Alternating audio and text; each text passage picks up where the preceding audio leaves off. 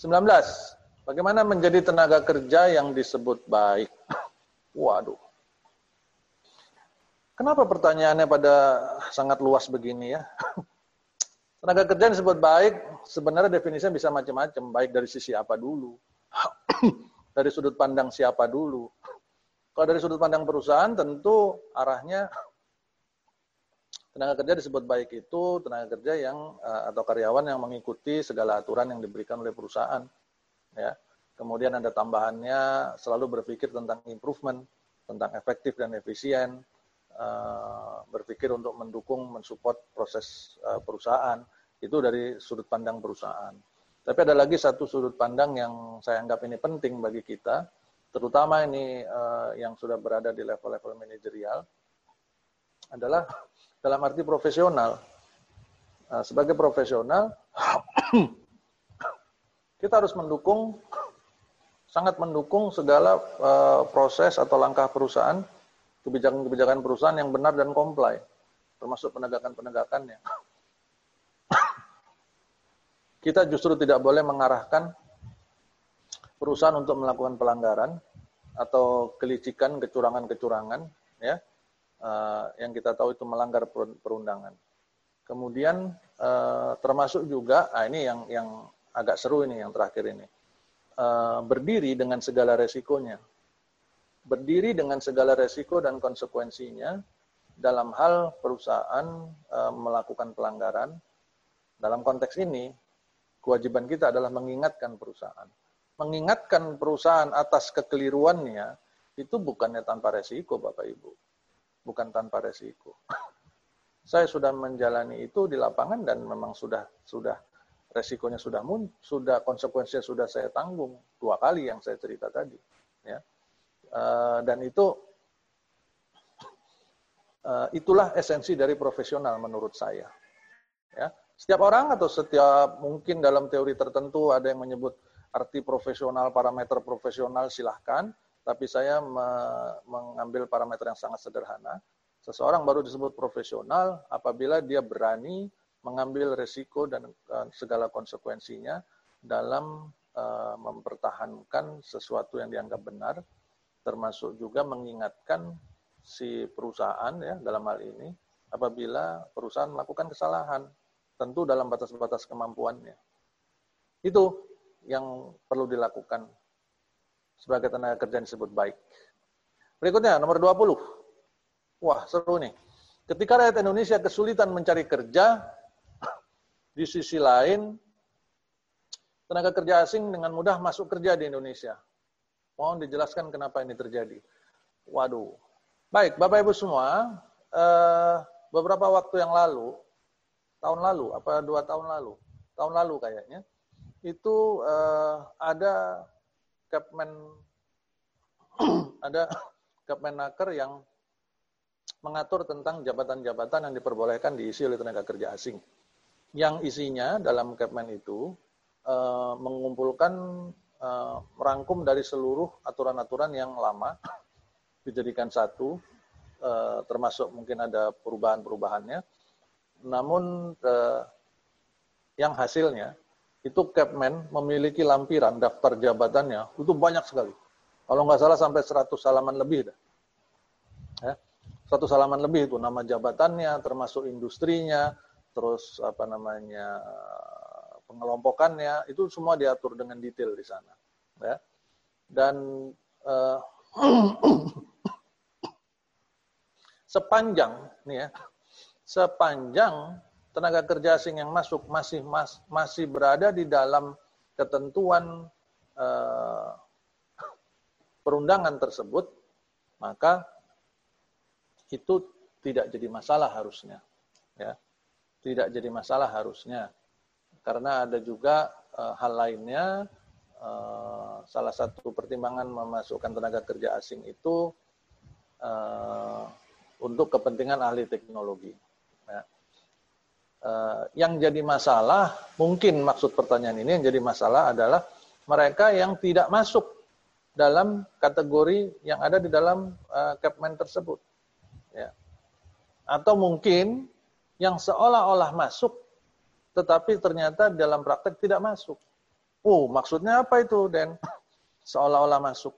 Jadi dia masuknya misalkan di sebagai seorang tenaga ahli di bidang apa misalkan produksi atau apalah ya tenaga ahli atau advisor misalkan. Tetapi si tenaga kerja asing ini dalam praktek sehari-hari di lapangan di perusahaan ternyata dia mengurusi masalah ketenaga kerjaan. Dia ikut-ikut campur dalam pengurusan ketenaga kerjaan dia ikut campur dalam mengambil uh, keputusan dan eh, hal-hal uh, yang berhubungan dengan masalah kepersonalian atau ketenaga kerjaan. Nah ini yang yang saya sebut sebagai seolah-olah tadi. Ya. Dan ini nggak benar kan? Ini sebenarnya adalah pelanggaran hukum. Uh, kenapa hal-hal seperti ini bisa terjadi? Yang pertama kalau kita melihat dari sisi penegakan hukum, ya memang dalam praktek uh, mungkin penegakan hukumnya kurang. Nah, ini juga berhubungan dengan kuantitas dan kualitas para penegak hukumnya. Mungkin kuantitasnya kurang, ya.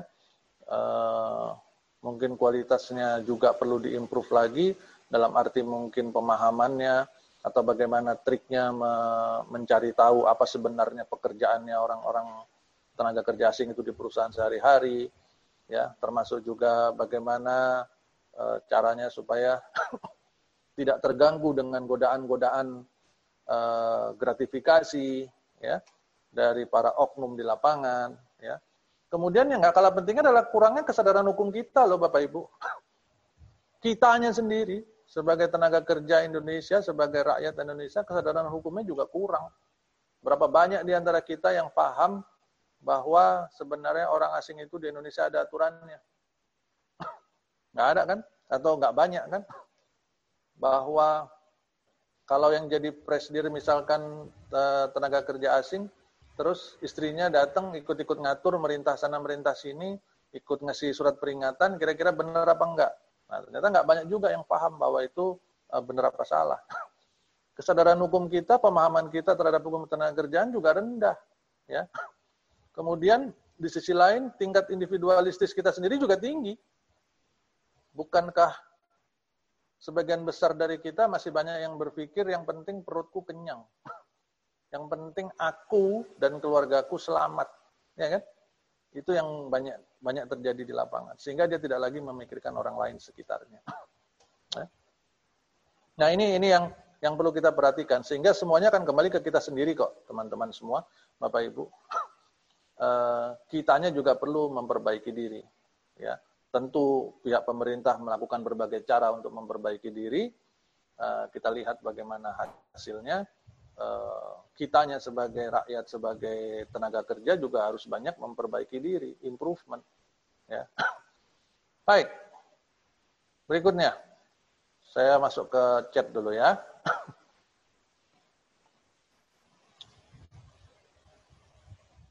Bapak apa Ibu nih? Widiana Sasikirana. Kayaknya ibu deh. Ada karyawan sales kontrak satu tahun saat kejadian di tahun ke-6. Kontrak satu tahun saat kejadian di tahun ke-6. Dianggap melanggar kode etik profesi dengan melakukan markup harga jual yang bukan wewenangnya. Perusahaan meminta yang bersangkutan untuk mengundurkan diri. Apakah perusahaan harus membayar kontrak? Oh, maaf, bukan tahun ke-6, bulan ke-6 maksudnya. Baik.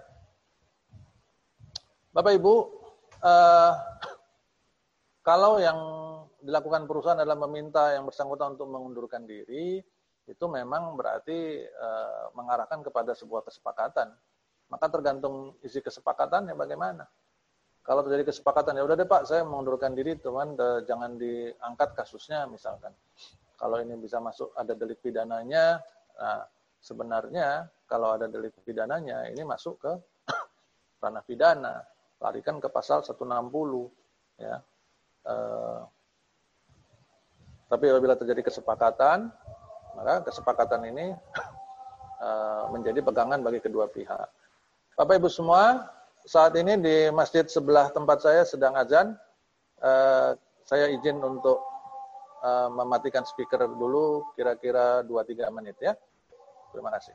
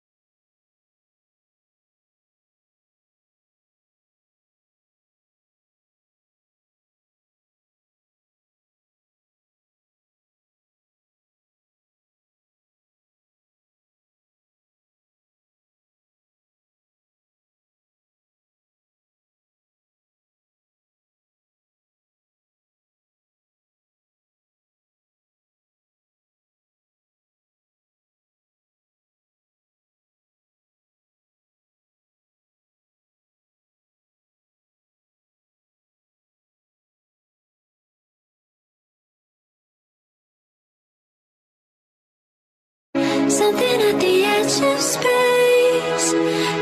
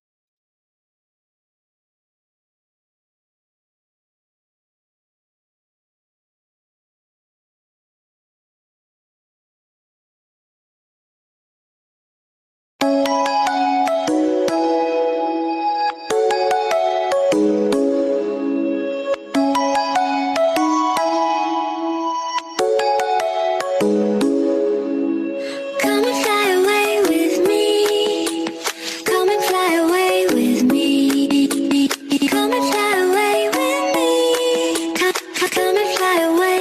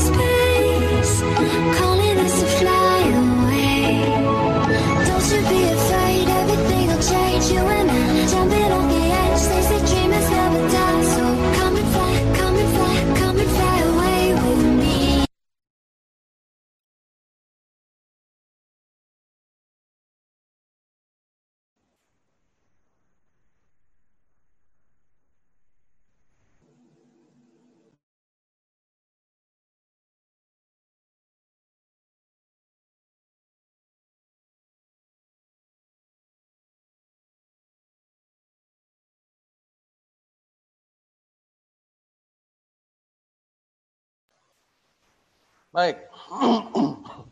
Ajan sudah selesai di sini. Kita lanjutkan. Sekarang udah jam 12. 10 menit lagi kita selesaikan ya. Baik, Bapak Ibu.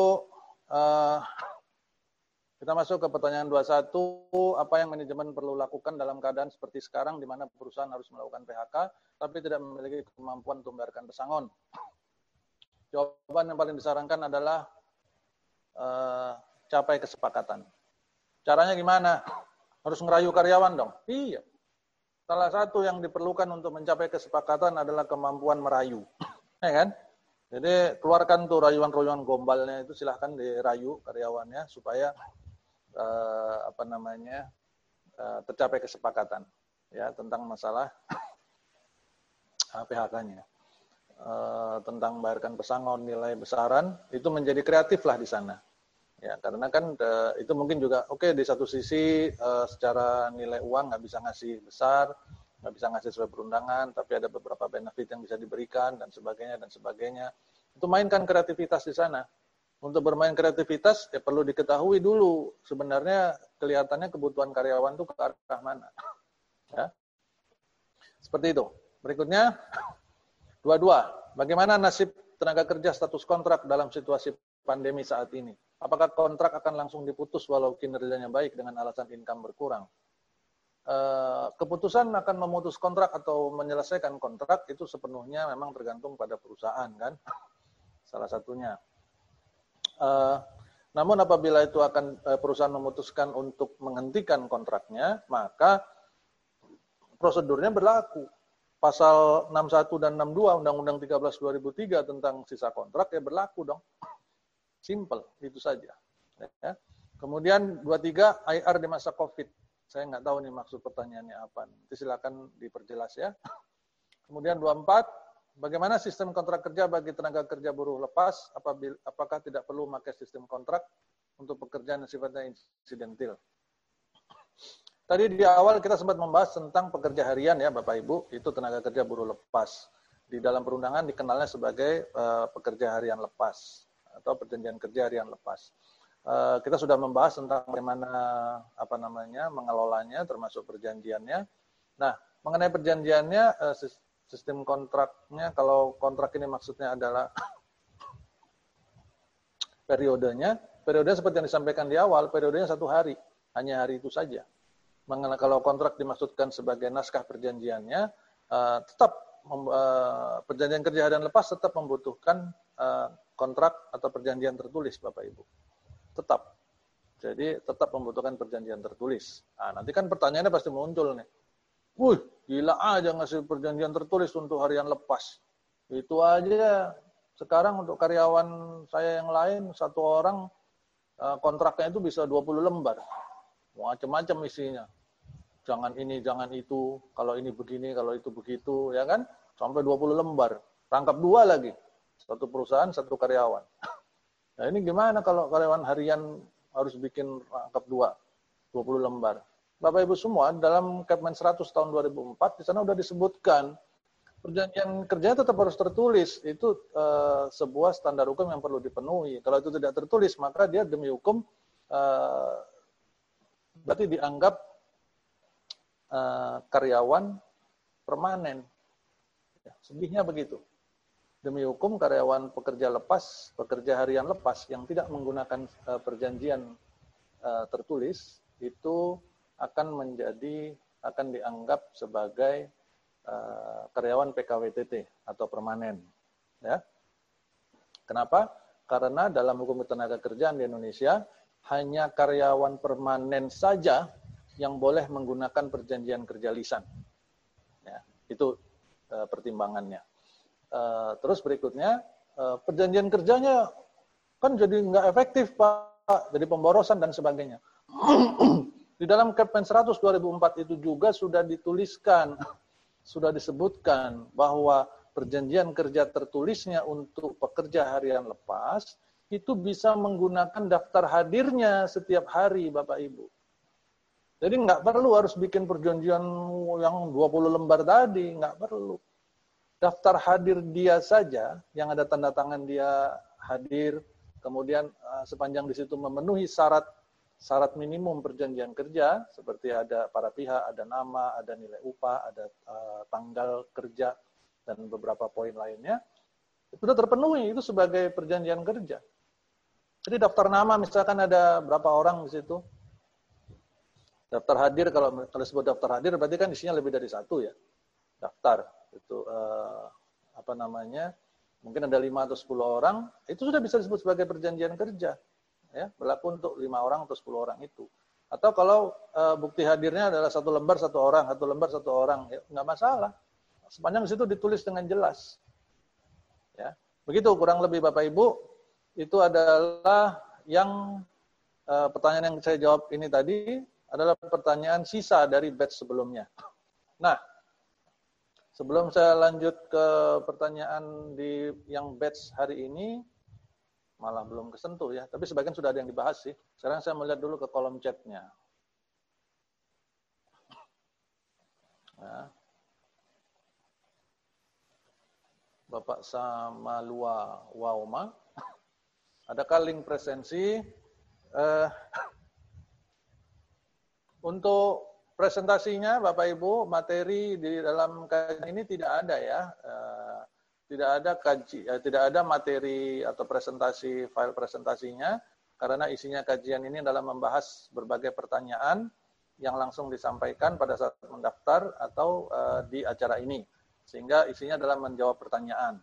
Namun apabila Bapak Ibu apa namanya uh, ingin terus mengupdate juga bisa melihat di channel YouTube-nya DHM Partners karena uh, hasil dari kajian-kajian ini semua, uh, videonya biasanya akan dipotong kecil-kecil dan akan dipasang di channel YouTube-nya DAM Partners. Demikian juga pertanyaan-pertanyaan yang nanti belum terjawab, itu biasanya akan dijawab secara terpisah dan dimasukkan dalam video pendek dan diposting ke channel YouTube-nya DAM Partners. Itu silahkan dilihat, uh, silahkan uh, dimanfaatkan untuk kepentingan Bapak Ibu semua uh, dan perusahaannya masing-masing. Jadi silahkan kalau dianggap bermanfaat, silahkan subscribe, like, and share. Di sana dimunculkan semua jawaban-jawabannya, ya bisa dipakai dan silahkan dibagikan kepada teman-teman lainnya.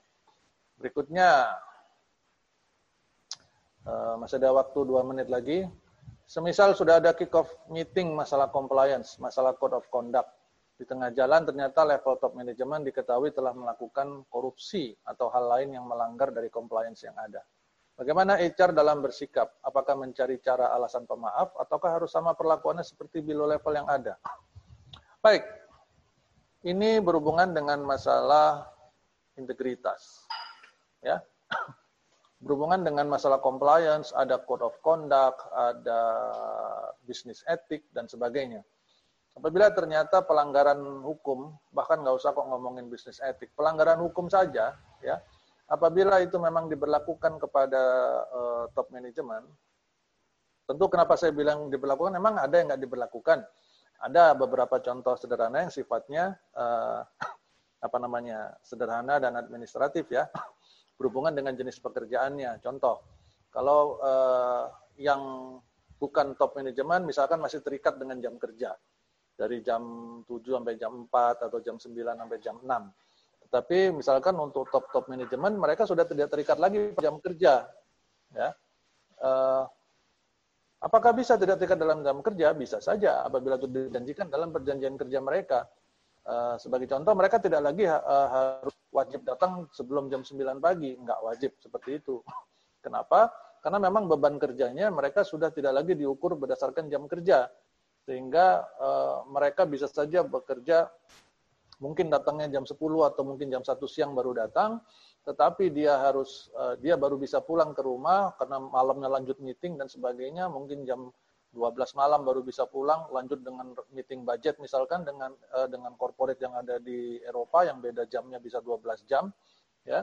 Uh, kemudian setelah itu karena sifat dan beban sifat dan jenis pekerjaannya sebagai penentu utama di perusahaan, maka dia harus menyediakan dirinya 24 jam standby untuk uh, apa namanya mengelola perusahaan.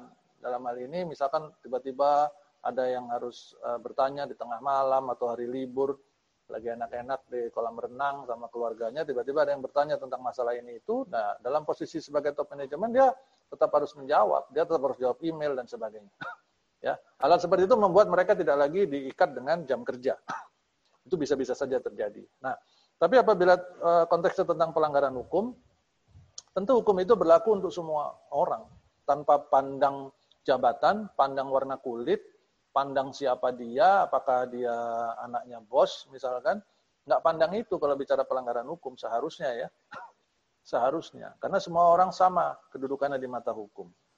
Jadi uh, yang jadi masalah ini kan penegakannya para penegak hukumnya. Kalau di perusahaannya adalah HR-nya misalkan, eh, atau pimpinan-pimpinan di lapangan misalkan. Apabila ternyata menemukan ada level top manajemen yang melakukan pelanggaran hukum, biasanya perusahaan sudah memiliki eh, aturan main atau SOP tertentu. Bagaimana proses pelaporannya dan sebagainya. Kalau itu yang uh, yang terlibat di dalamnya adalah level-level top manajemen. Biasanya ngomongnya ada ada yang ada yang biasa menggunakan hotline service dan sebagainya atau ada internal audit dan sebagainya lah ya. Atau mungkin direct ke presidirnya barangkali. Atau kalau presiden yang bikin masalah mungkin direct ke komisaris barangkali. Nah itu hal-hal seperti itu ada prosedurnya biasanya di perusahaan. Ikuti saja prosedur itu dan mereka yang akan me, akan menentukan langkah selanjutnya. Tetapi kita sebagai HR apabila kita mengetahui itu maka kita harus mengangkatnya. Kita harus menyampaikan kepada si uh, apa namanya pimpinannya dari uh, pelaku pelanggaran itu supaya segera melakukan uh, tindakan atas uh, pelanggaran tersebut. Bukan kita sebagai cara yang melakukan tindakan penegakan hukumnya, karena bisa saja kita tidak punya cukup kuasa dan wewenang untuk melakukannya. Contoh, misalkan posisi seseorang si A posisinya adalah sebagai HR manager. Dia masih report kepada direktur dan sebagainya. Terus yang melakukan pelanggaran ini adalah direktur keuangan. Kira-kira si HR manager punya punya kuasa, punya wewenang nggak untuk menegur dan memberikan surat peringatan barangkali atau tindakan hukum pada direktur keuangan itu? Enggak. Ya. Secara sederhana tidak. Kecuali nanti diberi kuasa. Ya, jadi yang harus menegakkan aturan siapa? Atasannya direktur keuangan, siapa? Presdir misalkan. Maka presiden yang harus diingatkan, eh Pak Presdir, itu direktur keuangan begini begini begini ini datanya ini informasinya ini faktanya ini buktinya dan sebagainya. Silakan dilakukan tindakan. Udah presiden yang jalankan. Kalau misalkan presidennya nggak berani atau dengan berbagai alasan dia meminta oke okay, HR manager kamu yang menegakkan aturan ini kepada si direktur keuangan maka si si presidennya harus memberikan kuasa dulu kepada si HR manager untuk melakukan penegakannya begitu ya eh, Bapak Ibu, ini Pak Andi yang nanya. Baik. Pertanyaan berikutnya dari Ibu Elita. Ini pertanyaan terakhir ya. Jika ada sales atau karyawan tetap yang bersangkutan tidak mencapai target pada tahun ini karena kendala COVID, yang bersangkutan diminta mengundurkan diri. Tapi yang bersangkutan tidak mau sehingga dibuat kesepakatan dan kesepakatan tersebut belum ada titik temu. Bagaimana? Ya cari titik temunya. Karena apa yang diminta oleh perusahaan itu sesuatu yang melanggar hukum. Mengundurkan diri kok diminta? Enggak ada. Mengundurkan diri itu suka rela. Suka sama rela. Nah kalau diminta itu kira-kira suka rela enggak?